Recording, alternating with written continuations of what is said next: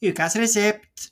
Hjertelig velkommen til ukas resept, hvor vi på Stange bibliotek gir deg litterær medisin mot absolutt alt av plager. og i dag så skal vi skrive ut medisin mot selvutslettelse. Og jeg heter da Elise. Velkommen til min kjære selvutslettelsesspesialist og sjef, May-Linn. Hei. Hei, tusen takk. Hvilken bok har du lest som kan kurere selvutslettelse? Jeg har lest 'Longyearbyen' av Heidi Sævareid. Mm. Uh, det handler jo litt om selvutslettelse, da. Så, men uh, kanskje man kan få litt sånn tips til hva man ikke, ikke skal gjøre. Ja. Uh, vi er på 50-tallet, og så handler det om Eivor som bor på Sankthanshaugen sammen med Finn, mannen sin, og to små barn. Og Finn har fast jobb på Ullevål. Eh, og har, de har fint hus, og hun trives veldig godt. Ja. Og så får han da jobb eh, for Store Norske Spitsbergen Kullkompani, lege eh, i Longyearbyen. Og da nøler ikke han, for det er hans drøm, og da pakker de og drar. Ja. Men eh, så ser man jo etter hvert at det er jo ikke hennes drøm. Hun har jo ingenting der. Er bare med. Eh, takler ikke mørket noe særlig godt. Har jo ingen jobb. Har ingen Blir ikke kjent med så mye folk egentlig heller. Og er vel litt sånn stille og forsiktig i utgangspunktet, tror jeg. Og det hjelper ikke oppå der. Og det er mørkt, og det er kaldt og kaldt og kaldt og kaldt. Og man er stuck. Eller man var stuck der. Ja, man er stuck. Eh, det står vel et eller annet sånn eh, Ja, det står i boka at de, eh, de er i Longyearbyen lukket inn i isen.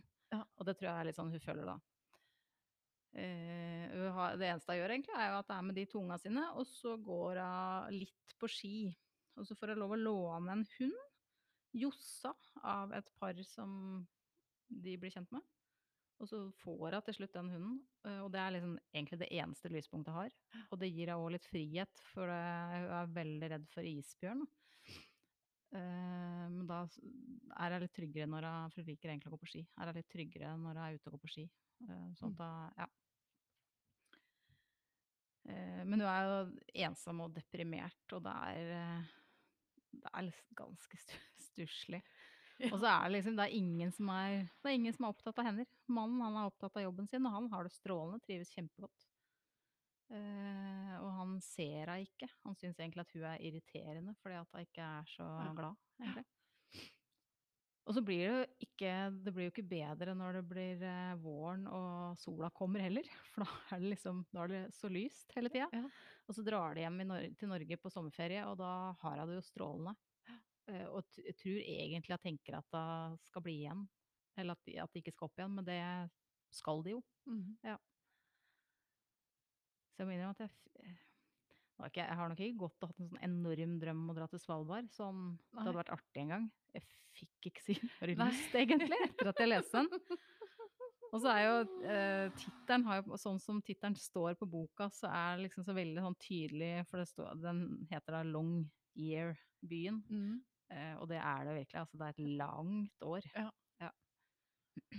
Mm. Men Mm. en veldig fin bok, da. Ja, jeg må si jeg jeg. leste den, jeg syns den var kjempefin. Ja. Mm.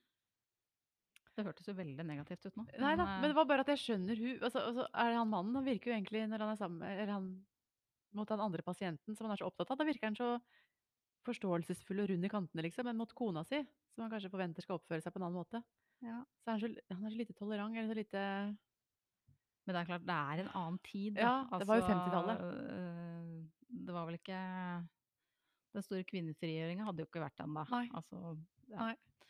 Eh, Så vidt jeg så husker, så hadde jeg jo ikke noe jobb Nei. i Norge heller før de Nei. reiste, så det var jo liksom forventa at han skulle være hjemme med ungene. Ja. Men der ble det veldig ensomt. Mm.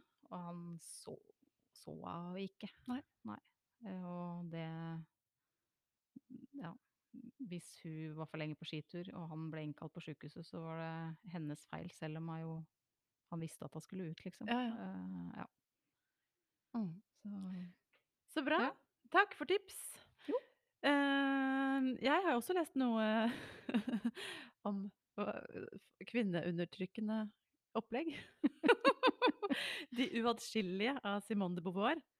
Og den var bare så utrolig fin. Ja, var den det? Ja, jeg satt og jeg satt og tenkte på den i går, for at vi skulle jo spille den i dag, så tenkte jeg: «Å, jeg må tenke på boka». Og da holdt jeg på å begynne å grine, for jeg syntes den var så rørende.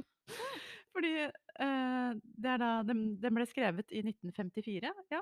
Ja, det er samme Ja, eh, men den har ikke blitt utgitt før nå. Nei. Eh, og den handler om hun har skifta navnet Simon Beauvoir har skifta navnet på seg og venninna si, men egentlig handler det om henne og bestevenninna Sasa. Ehm, men de kalles Sylvie og André med to e-er, så det blir jentenavn i den boka her. Uh, og de møttes når de var ni år gamle på skolen. Begge to var de beste i klassen. Uh, og de fant hverandre og ble bestevenninner. Og de ble kalt de uatskillelige. Og Sylvie, eller Simone, da, hun vet jo ikke da når hun er ni år, men hun det er jo hennes første kjærlighet, på en måte. Ja. Um, og det blir så bra beskrevet hvordan de hvordan hun oppdager livet gjennom hun venninna si. For plutselig så ble alt så mye lysere, og det var interessant. Hun følte seg så levende, liksom. Og så merker hun det så godt når hun kommer tilbake til sommerferien, så er ikke hun venninna der. Og hun blir deprimert, og og alt blir grått, og hun tenker: "Er det sånn det skal være uten André?" Eller hun mm. Sasa. Uh, men så kommer hun tilbake, og de kan fortsette å snakke, og og det er sånne skøyerjenter, liksom. Man skal jo ikke være det. Eh, så hun André var jo superintelligent og svarte litt frekt til lærerne. Og hun parodierte dem liksom i friminuttet, og hadde masse talenter. Var kjempeflink på piano, fiolin. Ja, hun var bare veldig smart, men vokste opp i en familie, eh, som var, eh, veldig, veldig, eh, konservative. Um, faren var med i sånn Katolikkers forening for tallrike barn, og ja. Og enten så skulle du, hvis du var kvinne, skulle du enten bli nonne eller gift. Og da skulle du ikke gifte med hvem du ville. Nei. Da skulle det være et parti som passa. Ja. Um, og to ganger så opplever da André, um, at hun blir forelska. I noen noen som ikke er passende, ifølge foreldrene. Uh, og den andre gangen, uh, så blir hun da sendt til, uh, England. Um, og da fordi Nei, nå hø nå babler jeg fælt. Hva skal jeg si? Fordi Simone er jo forelska i hun her. Og hun Ja. er jo egentlig litt forelska tilbake, men det skjønte jeg ikke før jeg leste en artikkel om det her etterpå. Jeg syns bare det var sånn fantastisk sterkt vennskap. Ja, og ting er jo ofte mye sterkere når du er barn Ja. og ungdom òg, Ja, ja. som Men det her Den varte fra de var ni. 9. Hun, eh, venninna døde da hun var 22 år, eller Ja. en måned før hun fylte 22, av hjernebetennelse. Men Simone de Beauvoir var helt sikker på at det var fordi at hennes ånd hadde blitt knekt av, eh, alle hun altså hun hadde ikke ett sekund på dagen hvor hun kunne gjøre som hun ville. Altså hun var selv i feriene hadde hun liksom fullt program og var aldri aleine, kunne ikke sove aleine på rommet engang. Fordi foreldra skulle passe så på at ikke hun gjorde noe, ja, som hun ville. Og de syntes at Simon hadde dårlig innflytelse på henne, da. Fordi, ja, de fant tonen og ville være seg selv, og det det var ikke bra.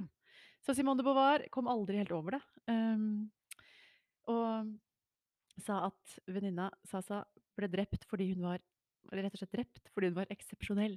Og det var ikke plass til å være eksepsjonell når man bare skulle være, ja, lik som alle andre dannede kvinner på den tida. Mm. Um, ja, men den boka er veldig lettlest og utrolig fin. Uh, så den anbefaler jeg, og den er ikke tjukk. Den blir, uh, det er bilder i nå. Det er bilder både av Simone de Beauvoir og hun Sasa, og av Jean-Paul Sartre og ja.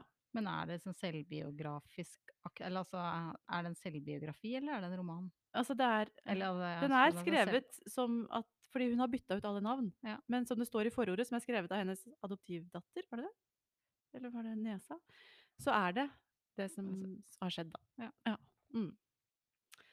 Eh, nei, så den anbefaler jeg. Ja, Ikke sett folk i bur. La de være fri. Det har heldigvis skjedd litt siden 50-tallet, da. ja, det har det. Ja. Takk og lov. Mm. Uh, og god sommer. Vi er ikke tilbake før august, kanskje? Ja. Så da håper jeg alle får en kjempegod sommer. Det er bare å høre igjen på alle episodene som ligger ute.